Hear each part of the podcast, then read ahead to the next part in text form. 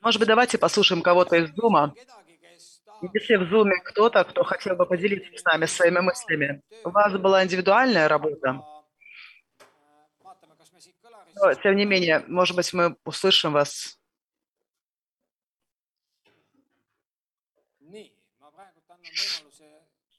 Хорошо.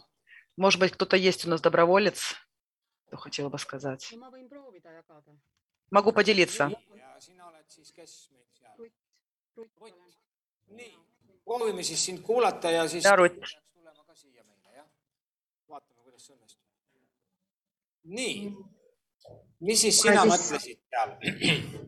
ma, ma ei osanud väga palju mõelda Э, Не могла много чего придумать, но насколько моя голова э, думала обо всем, Я думала о своей церкви, так как я живу как раз в таком деревенском месте, деревушечке. Наши внешние факторы заключаются в том, что у нас очень маленькое место, э, то есть э, города в радиусе 30-40 километров, Жи- жильцов у нас около двух сотен, молодых очень мало. И даже Когда я общалась с ними, они вообще не знают о Боге ничего. Но что плюсом является, это возможность а, э, проводи- э, проводить, э, проводить онлайн-служение. А, У нас этого нет, но можно было бы проводить. Ну, такие внешние факторы. Внутренние у нас в церкви то, что у нас 70 лет средний возраст, даже больше, наверное. У нас все старые люди, пожилые люди. И То, что я замечаю отсутствие знаний. Вообще, в принципе, я думаю, что в церкви э, плюсы, э, плюсы заключались бы в том, чтобы ру- руко- руководителей воспитывать. Э, Поэтому библейские школы, обучение, они очень важны, на мой взгляд, сейчас, сегодня, потому что встречается очень много необразованности. В церкви также ученичество, э, быть рядом с людьми, э, руководить их, даже взрослыми людьми, вести их. Что еще? Э, Организовывать в нашей церкви, э, когда я закончу библейскую школу, то, что у меня на сердце есть, э, мне хотелось бы провести какой-то альфа-курс, потому что знаний у людей ноль. И даже у старых людей, у пожилых людей, а, которые, которые не видят хорошо, не слышат хорошо, у них проблемы тоже со чтением Библии в том числе. И, конечно же, все зависит и от нас. И, в общем-то, э, я тоже а, уже не молодая, скажем так, да, и я в своем возрасте одна в церкви.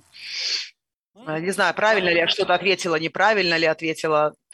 Хорошо, мысли хорошие. Не знаю, думала ли когда-то ты о своей церкви так, как сегодня ты думала? Нет.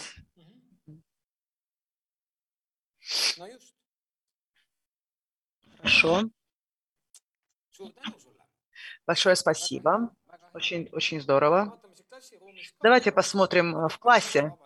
Э, Добровольцы, кто хотел бы поделиться сразу что-то? Может быть, у кого-то возникло чувство, желание поделиться? Может, какие-то мысли хорошие у вас olla. Ты можешь э, на своем месте... А, а, не слышно было. Да. Извини, извини, пожалуйста, да. Надо все-таки подойти будет. Я хотел бы э, основываться на своей церкви. Э, при- при- пример такой. Значит, э, из внешних факторов это то, что э, к нам приехало много беженцев, и появилась возможность проводить женское, женское служение. А также э, из внутренних факторов это то, что э, есть возможность э, из разных церквей и организаций вместе делать детскую работу. То есть у нас рядом есть реабилитационный центр, есть организация движения искателей Бога, где Сергей Шедловский, и наша церковь, и у нас очень идет организованная работа между этими тремя ну, организациями. Наша церковь, Движение Искателей Бога и, и реабилитационный центр. И очень успешно проводится сейчас вот эта детская работа и, и, и, и вот э, работа с беженцами.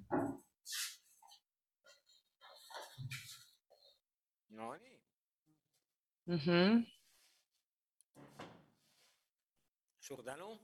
Спасибо. Еще кто-то может сказать? У вас есть? Еще что? Да? А, мы вместе с командой записали, э, с группой записали много факторов. Вот. Я, наверное, только отмечу два таких для себя, которых мне, наверное, оказались самыми такими весомыми. Как мы видели на графике, э, в западных странах, э, в северных, в северных а, христианство численно меньше. И я думаю, это из-за благополучия, благополучной жизни. А, вот. А, а, вот. А втор... Э, это внешний фактор, который влияет на отток людей из церкви.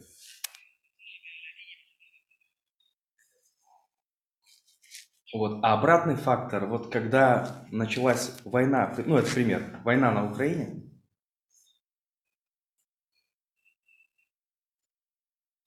Э, церкви наполнились людьми э, на Украине.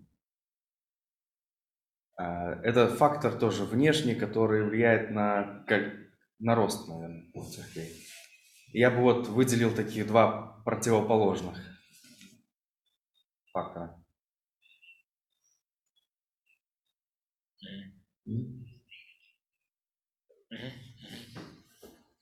Спасибо.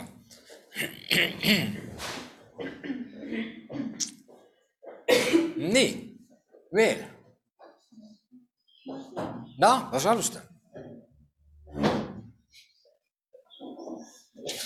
Я подытожу работу нашей группы. Я записывала все, что, все, о чем мы рассуждали. Э, сначала поговорим о внутренних факторах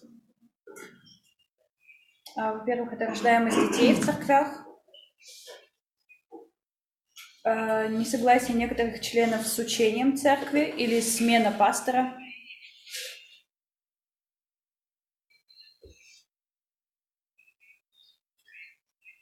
Эм, у меня написано, что идти в ногу со временем.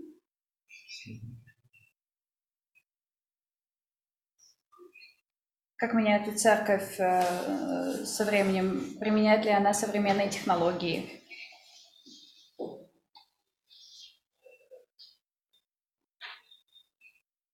Также это разрыв поколений, когда в церкви, допустим, есть дети и взрослые.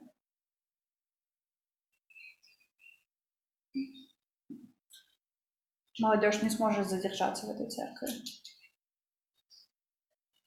А, также влияет живая проповедь, не просто сухое учение.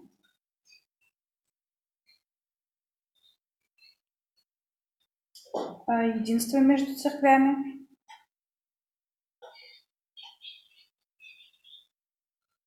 Из-за некоторых конфликтов, а, которые касаются именно единства, теряются некоторые члены церкви.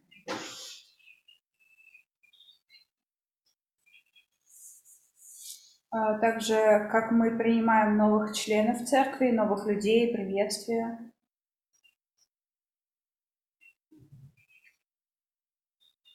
э, домашние группы, эм, исторический контекст, либо ну, вот ситуация в мире, сказал Александр, э, и вот трудности. К внешним факторам мы отнесли, допустим, вот беженцы, из-за которых открываются там новые служения. Э, социальная работа церкви, э, работа с молодежью, влияние мира на церковь. Это, наверное, способствует именно оттоку людей.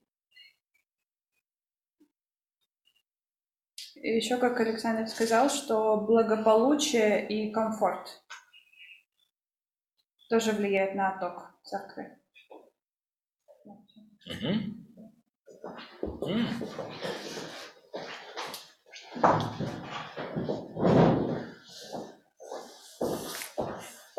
Также немножко поделюсь э, результатами нашей команды. Я не хочу повторяться, потому что, конечно, у нас очень много общего. Я думаю, что ситуация с приходом и уходом людей, ну вообще ростом церквей, она практически везде сейчас одинаковая. А, и у нас вот мы все из разных стран, и сейчас э, живем в Эстонии, мы можем видеть тоже такую картину, что в целом э, везде люди сейчас уходят из церкви и или не хотят э, приходить в церковь. И первая причина, как мы заметили, это закрытость церкви, неумение быть гибким, неумение перестроиться, быть современным. А, также это закрытость церкви, когда она существует в, своей комфортной, э, в своем комфортном мире и не может ничего а, принять нового, даже не может принимать больных или бедных людей, когда становится такой идеальной закрытой церковью. А, когда препятствуют для служения молодежи, многие столкнулись с тем, что молодежи просто не дают служить и не дают развиваться как-то. С этим связан также и профессиональный рост. Если э, сказать наоборот в положительном, то профессиональный рост э, людей в церкви это и в пении, это и в лидерстве, в проповеди, наоборот, способствует тому, что церковь привлекает новых людей, которые хотят развиваться и также расти церкви, и она также может способствовать уходу людей из церкви. Также э, живое общение людей, а, и церкви, они тоже должны расти, они могут делиться, а многие церкви не готовы к тому, чтобы разделиться, они варятся все, им очень сложно в этот разрыв поколений. А, из внешних факторов, что важно отметить, это закон. Законодательство очень способствует э, росту или, наоборот, остановлению роста церквей. Это так, как в некоторых странах была отмена молитвы, или, например, э, историю. Все учебники переписались на новый лад, где очень атеистическая история, где нету больше христианства и Бога. А также это обучение людей в целом в стране. Э, чем больше люди э, начинают вот этому обучаться атеистическому, чем больше общество не готово принимать Бога. Э, это культурные особенности, фильмы, музыка, социальные сети. Мы можем заметить, как сейчас все фильмы, они очень стали развращенные, а из-за этого и люди развращенные. И даже в церкви многие люди, они, они начинают вести себя по-другому, грешить, они более свободные. Соцсети, все это очень сильно влияет. А, Остальное уже... И еще также хотелось отметить, что отделение церкви от государства тоже, когда э, церковь отделяется от государства, и государство выталкивает церковь, это очень э, делает такой большой разрыв, и новые люди не готовы. Между ними такая стена появляется. Вот, хотелось добавить еще.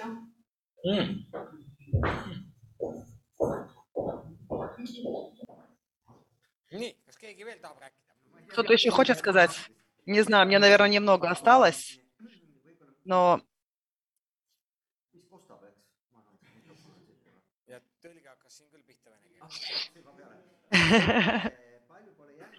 э, много не осталось, но тем не менее мы, что не звучало, это умение находить у членов церкви дары Духа Святого и использовать их э, в работе церкви.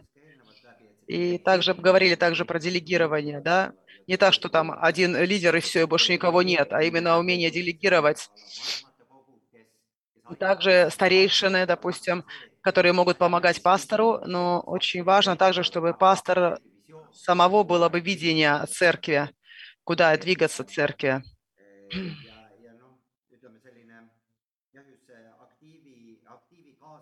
Вовлечение актива церкви в работу, духовная зрелость. И также, возможно, еще одна вещь.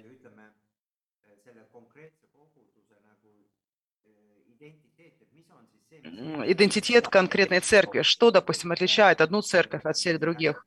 То есть вот найти нужно идентитет. Мы говорили, что, что рост, э, рост иногда э, Иногда рост церкви происходит за счет переселенцев из одной страны в другую. Но, допустим, если из церкви люди переходят в соседнюю церковь, то нужно понять тогда, в чем причина. А, что теперь, вот теперь есть у той церкви, допустим, куда люди переходят а, от отличного, от, от, от той церкви, откуда выходят. И малые группы, также очень важный момент. И, и может быть казаться, что эти вещи, может быть, иногда второстепенны, но на самом деле они могут быть очень важными. И внешние также были упомянуты уже. Э, место расположения, как мы уже говорили, а также какое место церковь занимает вот в этом обществе сообществе.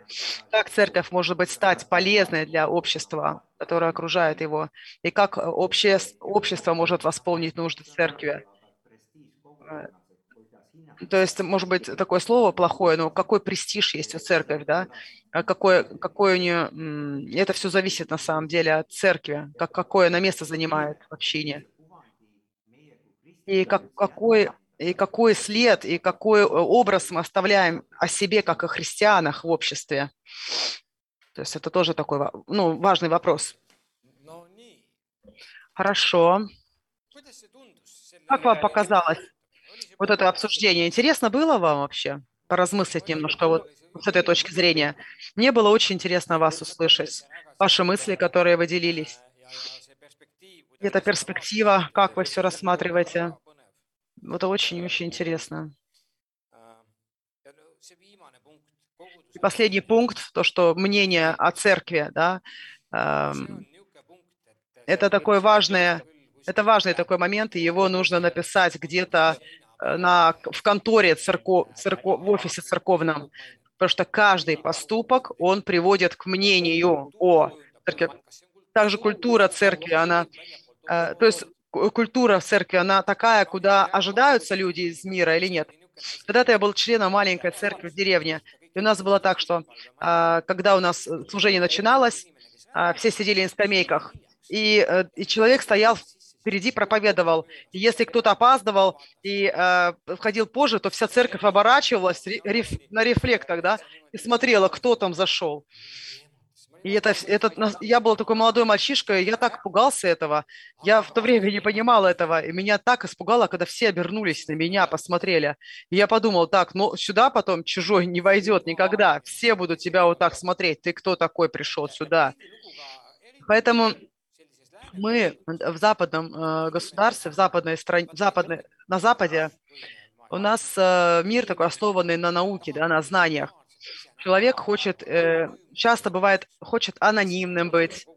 И здесь преимущество большой церкви, когда человек может анонимно прийти, посидеть, без того, чтобы кто-то его начал бы давить на него, либо чтобы человек чувствовал бы, что оказывается давление.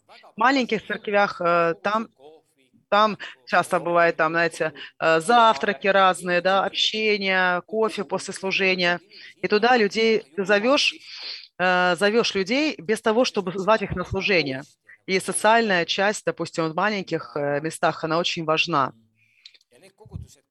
Эти церкви, которые растут, э, растут в Эстонии, они основаны на отношениях. То есть в этих церквях очень много отношений. Хорошие отношения друг с другом, хорошие отношения в обществе, с местными самоуправлениями, с другими какими-то фирмами, с МТЮ, с кем угодно.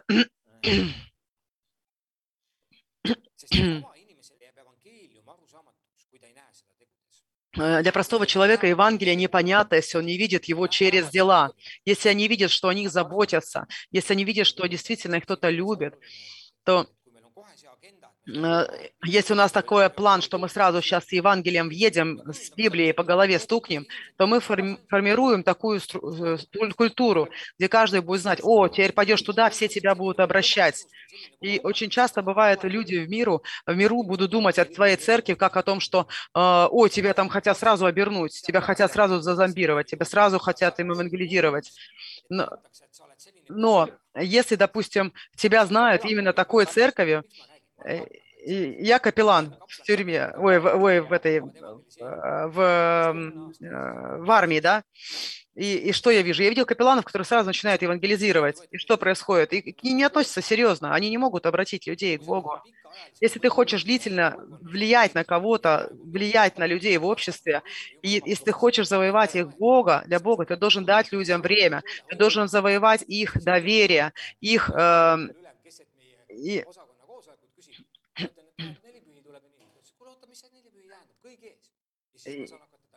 и, допустим, кто-то где-то, я встречаюсь, и кто-то скажет, а, это пятидесятник придет, а кто-то там скажет, а кто такой пятидесятник, кто будет у меня возможность ему что-то сказать, а не так, что я прихожу теперь и говорю, так, а теперь я пятидесятник, или там я еще кто-то, и вы должны делать так, так, так, то вот это конец, все, так не работает.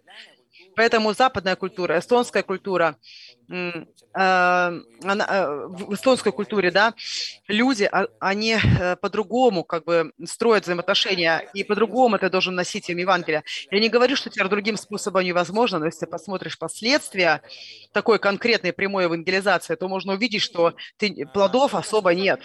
Хорошо, давайте пойдем с вами дальше. А, что у нас теперь с обедом? У нас э, обед должен в 11.45 или нет? Пауза у нас в 11.45, потом 12, и в 12.45 у нас обед. Молитва у нас там. И, и в 13.15 у нас обед начинается.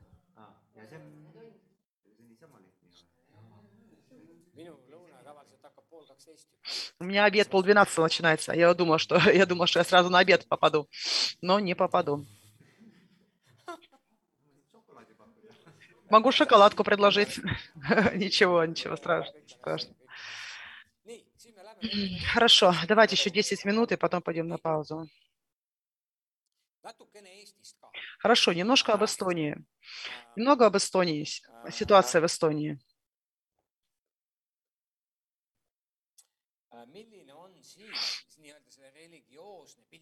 Какая у нас рели- религиозная картина?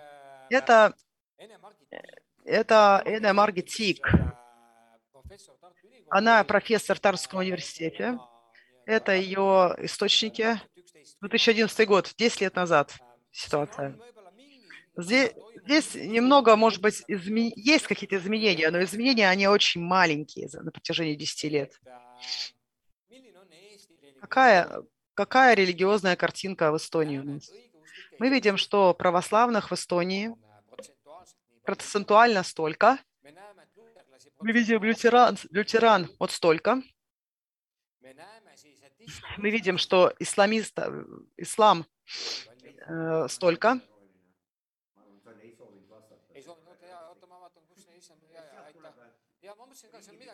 А я подумал, что-то неправильно. Не, не, нет, это не ислам. Это не, не хотели отвечать. Я уже начал сомневаться. Это что-то, я вообще сам говорю, какие, какой ислам? Их не так много, нет, нет. Спасибо большое, слава богу, что я обратил внимание. Этот цвет, да, такой. Так, ислам где-то вот тут маленький, да, 0,10, по-моему. В общем, только та та татары. Мигрантов из ислама татары, не, не татары, я не знаю, в общем, какой-то, что он сказал там. Мы видим буддисты тут, вот в этом меньшинстве. А, 2.18. А, Или же наоборот. А, нет. Нет, все-таки 2.18 это значит, что люди... Э, а вот это 54% это не, не, не принимая никакую веру. Это самый важный момент. И на этом мы, здесь мы должны констатировать факты. А что это 1436? не захотели ответить 14,36%. Что это говорит? Это говорит нам о том, что это, это не только 54% здесь, а еще плюс 14,36%. Можно сказать, что люди, не связанные с религией, их 60 примерно процентов 60, почти 70 процентов. 70 процентов людей в, трамваях, поездах и везде, они вообще никак не относят себя к вере. Это реальность. Иногда я сражаюсь. Я, в общем-то, тоже такой я, я в альф, верю в альфу. Я верю, что альфа – это очень хороший инструмент, потому что он родился в Европе. Во-вторых, основывается на интеллектуальном размышлении. Люди, они хотят обсуждения. Что делает еще альфа-курс? Там есть общение, групповая группа. Там людям не дается ответ а, готовый. Люди приходят с вопросами, могут их обсуждать в группе. У меня один мой соработник, я позвала его на альфа-курс в одной церкви, и он пришел оттуда и сказал, это то, что мне надо. У него было так много вопросов. Мне так хотелось, чтобы другие христиане также ему давали ответы. И он был очень воодушевлен, сказал, слушай, это то, что мне надо, альфа-курс. Поэтому э, по этой причине я, я нахожу альфа очень такой хороший, потому что этот сегмент ты не можешь коснуться, не можешь этому сегменту давать ответы готовые. Ты должен помочь им ответить на вопросы, которые у них есть. Какая проблема у альфа? То, что альфа начинается с первого лекции, которая называет «Кто такой Иисус?». Это не вопрос, который на улице люди задают «Кто такой Иисус?». Я думал, я слышала, что в Швеции на самом деле сделан еще курс, который до альфа идет.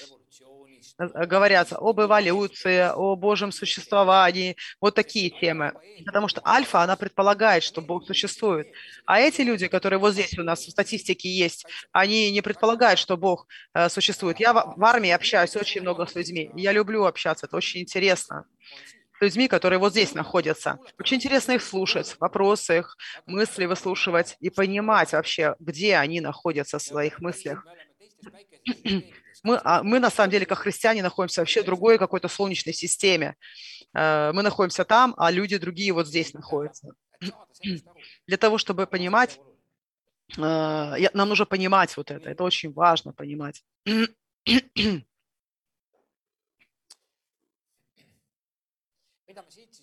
Что мы здесь видим? Мы, так, мы видим а, лютеран. Лютеране в большинстве. Хорошо, что здесь у меня показывает эта таблица? Чего, зачем я сюда поставил так?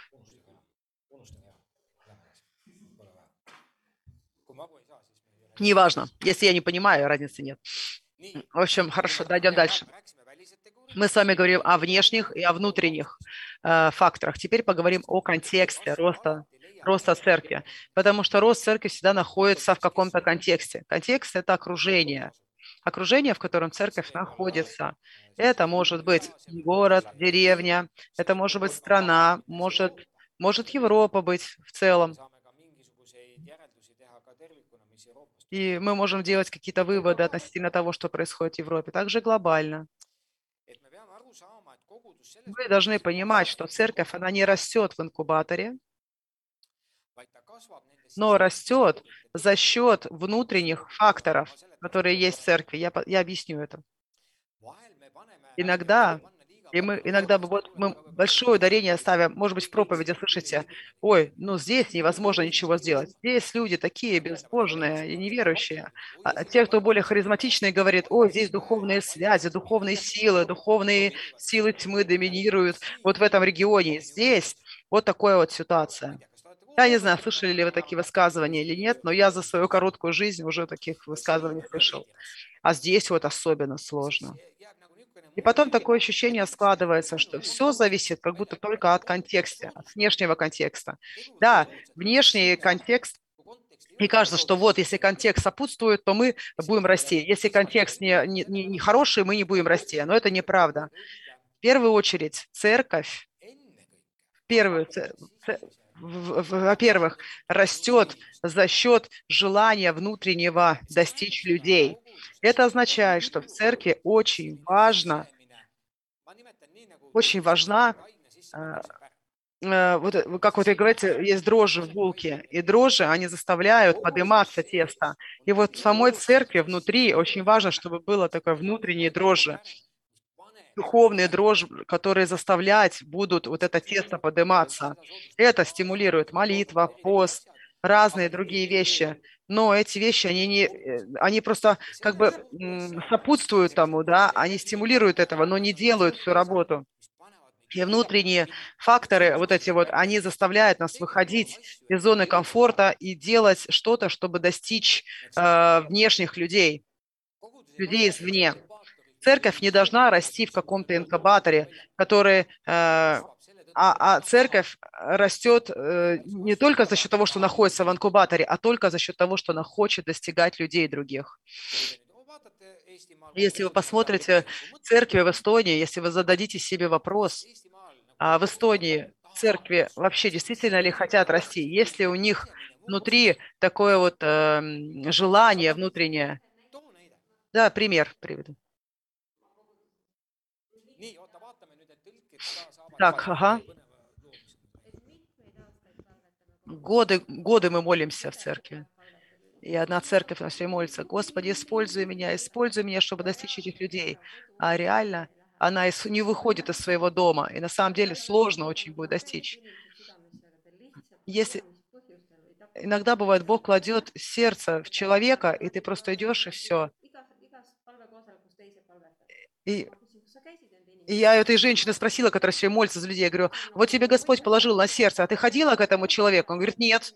Она говорит, я не могу понять, что ты молишься, молишься, да, что э, Бог дает ей на сердце людей, которым идти, это ее иногда бывает даже мучает, а она ничего не делает и все продолжает молиться. То есть я не знаю, что этого человека может заставить. Люди хотят вроде что-то сделать, люди хотят, э, но сами ничего не делают, сами не выходят к людям. Если бы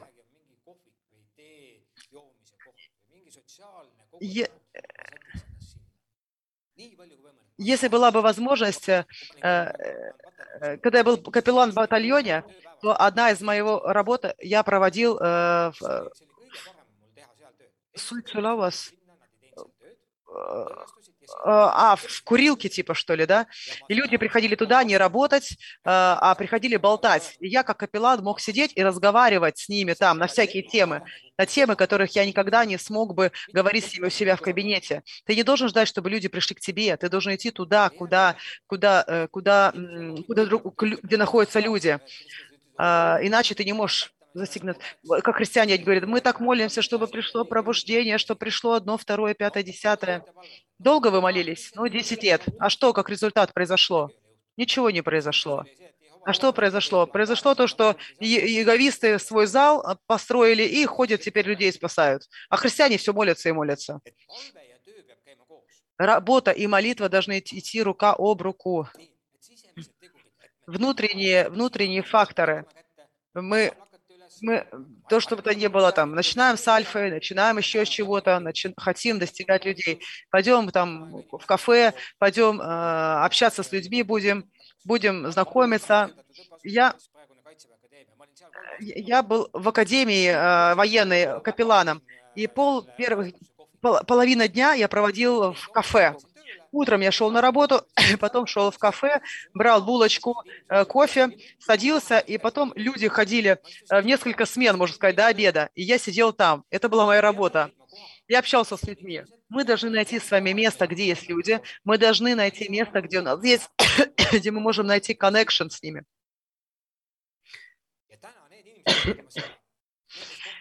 И те люди, с которыми я общался там, а, они теперь очень многие находятся, находятся на таких позициях сейчас, которые принимают решения. И очень здорово, что я знаю их, они знают меня.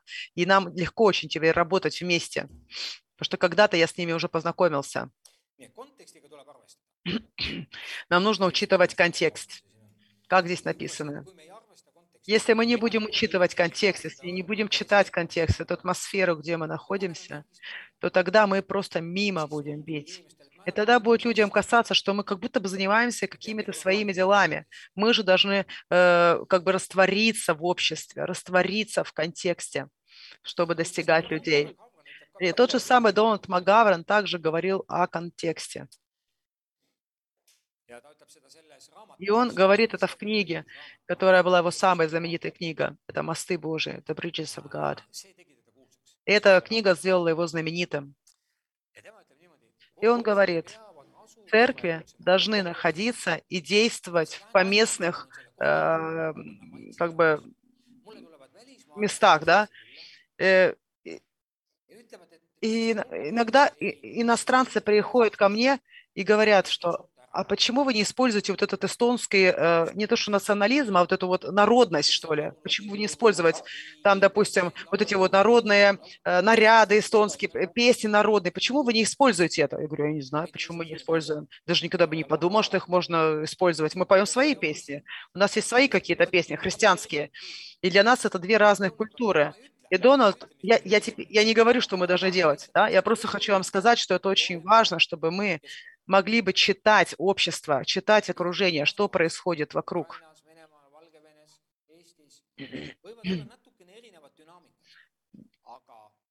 А, у этого всего могут быть разные динамики, но мы, тем не менее, должны найти и понимать то, что происходит вокруг. Дальше наше служение, оно должно проявлять э, поместное, поместное сообщество или поместное уклад народа.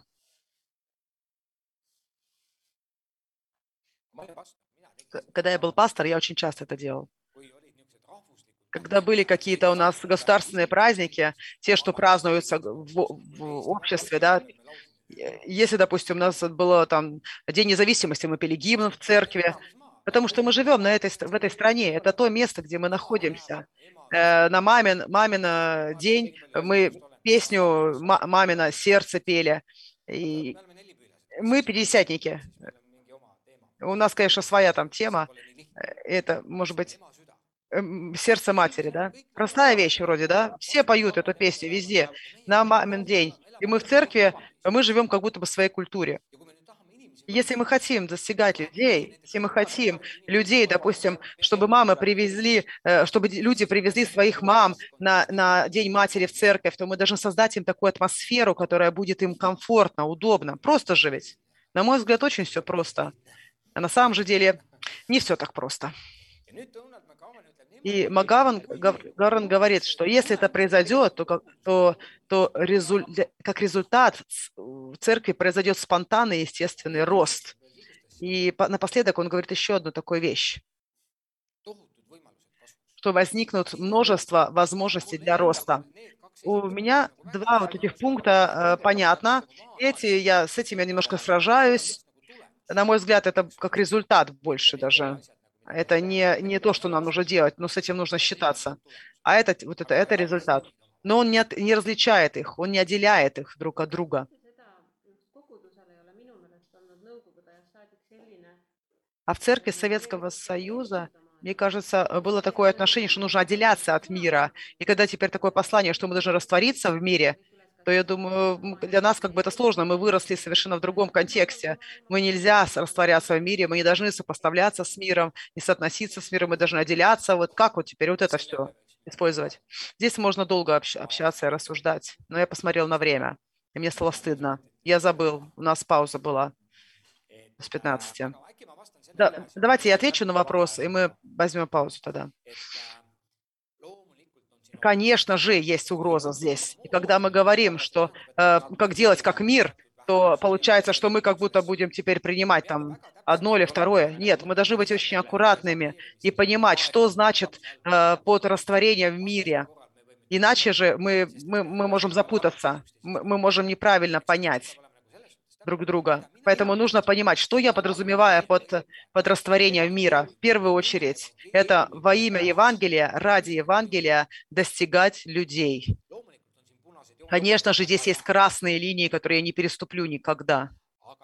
Но понятно также и то, что э, вот это вот в советское время э, разделение, оно шло из э, политики да, того времени. Нас заставляли отделяться, отдаляться Конечно же, угроза есть, что если теперь мы будем с миром тусоваться и будем похожими на мир внешне, то может показаться тогда, а какая разница, можем ли мы вообще что-то предложить этому миру, если мы и так похожи?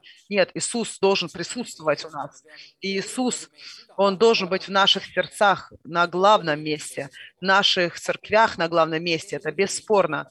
Мы делаем все ради Христа. Это, это очень важный момент. Нужно всегда помнить это, всегда э, смотреть радар. Если это уйдет, это, если это уйдет, то мы станем социальным клубом. А это может сделать любая организация. Разницы нет. У церкви есть уникальная задача. И здесь мы должны быть очень чувствительными. И напоследок он говорит, что это дает а, в конкретной культуре естественный, естественный пример – что значит быть христианином.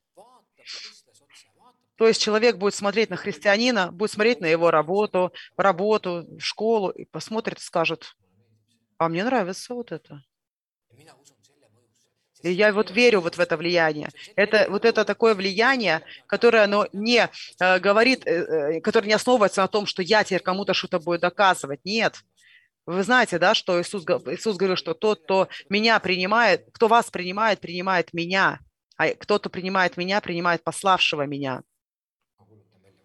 Поэтому сейчас идем на паузу. Вернемся обратно тогда в 12, 12.05 вернемся обратно.